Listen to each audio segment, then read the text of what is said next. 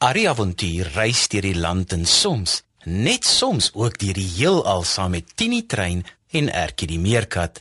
Hy's bang vir niks en saam met sy maats verskaf hulle vermaak aan groot en klein.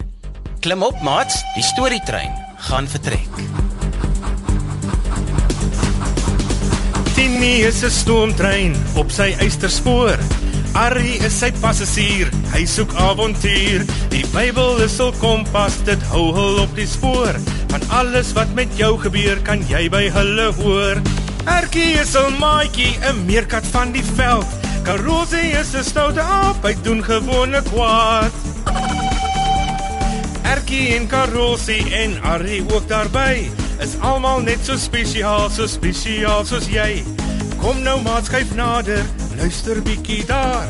Is dit dalk die Tini trein wat ek daar gewaar?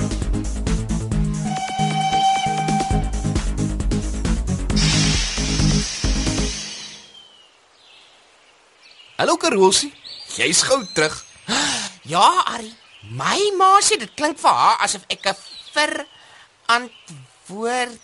verantwoordelike besluit gemaak het om meer te leer as om verder stout te wees saam met die ander ape.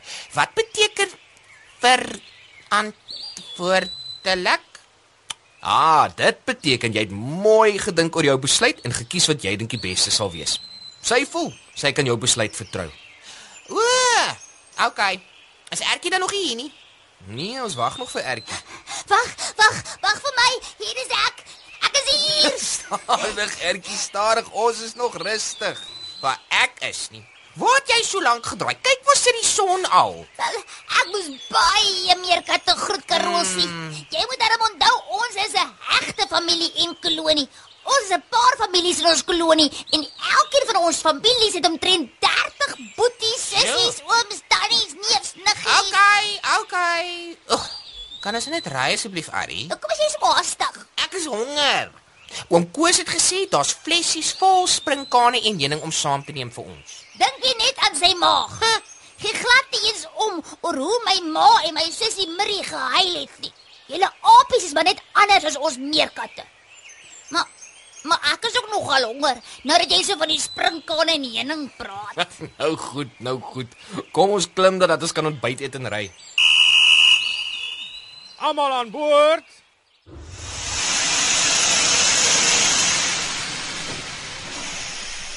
Waarheen gaan ons eerste Arrie? Ons gaan indoor op 'n baie spesiale oomblik in tyd en by iemand wat ook lekker geëet het aan sprinkane en heuning. Mm.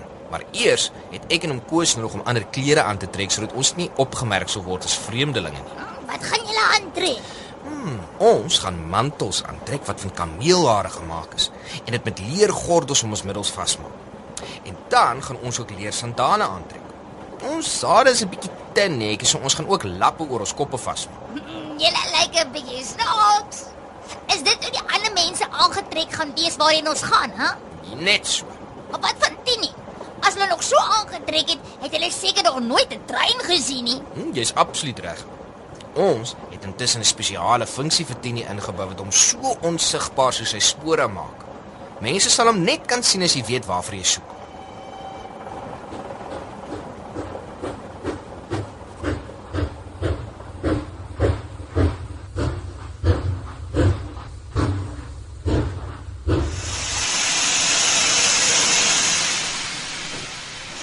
Ons is hier graaf in die woestyn. Naby die deel van die Jordaanrivier waar die gebeurtenis binnekort gaan plaasvind. Dankie oom Koos. Nou goed julle, is julle reg hiervoor? O, beslis. Sal die mense ons nie jag of jag nie? Ek en oom Koos gaan hierdie leersakke saam met ons dra waarin julle kan wegkry. Kom, klim gou in. Uh, jong. As hy Ek is die stem van die een wat in die woestyn roep. Maak gereed vir die koms van die Here. Maak julle harte gereed om hom te ontvang. Bely julle sondes en vra God om dit te vergewe. Wie is dit? Hoe voel lyk sy hare? Dit is Johannes die Doper, die profeet. is dit nie Jesus se neef nie? Net so. Nou, hoekom sê hy hy is 'n stem in die woestyn? Ja. En hoekom is hier so baie ander mense? Nou Johannes het vir 'n lang tyd weg van die mense in die woestyn geleef om te dink en te bid sonder om gepla te word. Hy het meestal van heuning en sprinkane geleef.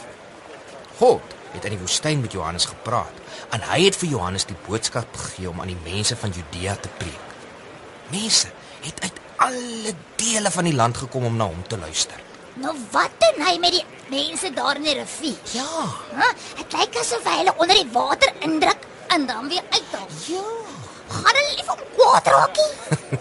Nee, toe maar Ertjie. Hulle het na hom toe gekom sodat hy dit met hulle kan doen. Wa, Ja, mense wat besef het dat hulle verkeerd gelewe het en jammer is daaroor. Kom na Johannes toe sodat hy hulle so onder die water indruk en uithaal. Want dit is 'n teken dat hulle gaan ophou met hul sondes en besluit het om in God te glo. En soos die water hul liggame skoon was, word hul lewens en harte skoon gewas deur God. 'n Mens noem dit so dis hoekom hulle hom Johannes die Doper noem. Net so. Sst, hy sê vir iets. Ek is die stem wat in die woestyn roep. Ek is die boodskapper oor wie die profeet Jesaja lank gelede geskryf het wat sou kom om die weg vir die Messias gereed te maak. Na my kom een wat magtiger as ek is. Hy doop julle met water, maar hy sal julle met die Heilige Gees doop. Maar van wie praat hy dan nou? Wie is die Messias? Ek tog hy gaan mense kom vertel van Jesus wat op pad is. Jesus is die Messias. O, Dis net nog 'n naam vir Jesus. Dit beteken die gesalfde van God. In Israel was dit net konings, hoëpriesters en profete wat gesalf is. het hulle baie seerplekke. Hoe nou? Oor hulle salf nodig. Ja, Ertjie, dis 'n ander soort salf. Dit is 'n spesiale olie wat wys dat God jou spesiaal gekies het vir 'n spesiale taak. In Jesus se geval was dit om die duiwel te oorwin, om die dood te oorwin en om die mensdom te red. Sjokas. Wag. Wat gebeur nou? Oh, hier kom iemand anders aan, julle. Kyk, die lam van God wat die sondes van die wêreld wegneem. Waar's die lam? Ek sien daar net 'n man. Ag, Karos, jy praat van die man. Dit is seker Jesus. Ah, net so ertjie, soos wat die lammetjies doodgemaak is lank terug in Egipte om die Israeliete se kinders te beskerm. So praat Johannes van Jesus se dood eendag wat sal gebeur om al God se kinders te beskerm. Ek dog dan jy sê God het net een seun. Daardie Jesus wat daar aankom. Ja, Karol, sê Jesus is God se enigste seun. Maar God neem ook almal wat in hom glo aan as sy kinders, want hy het ons tog almal gemaak. Ooh, wag, kyk. Julle gaan dit mis. Ai, hy doop aan vir Jesus. Dit is my geliefde seun in wie ek welbehae het. Oh, wie was dit?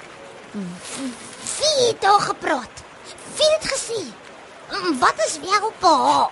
okay, meerkat, okay. Dit was God. Hy sê aan almal dat dit Jesus is en dat dit sy seun is. En hy sê dat hy baie lief is vir Jesus. Sjokas. En kyk het hoe gaan sit daardie mooi wit duifie sommer so op sy skouer. Die duif is 'n teken van die gees van God wat met Jesus is. Daar gaan Jesus nou weer weg. Kyk, daar is 'n paar van die mense wat saam met Jesus weggaan. Ja.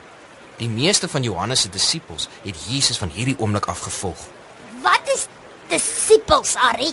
Nou disippels is mense wat 'n leermeester volg. Hulle gaan oral saam met hom om dinge van hom te leer. Kom julle, ons moet teruggaan. Wanneer ons deur tyd reis, kan ons nie te lank op een plek bly nie. Die gevaar dat ons iets kan verander raak te groot.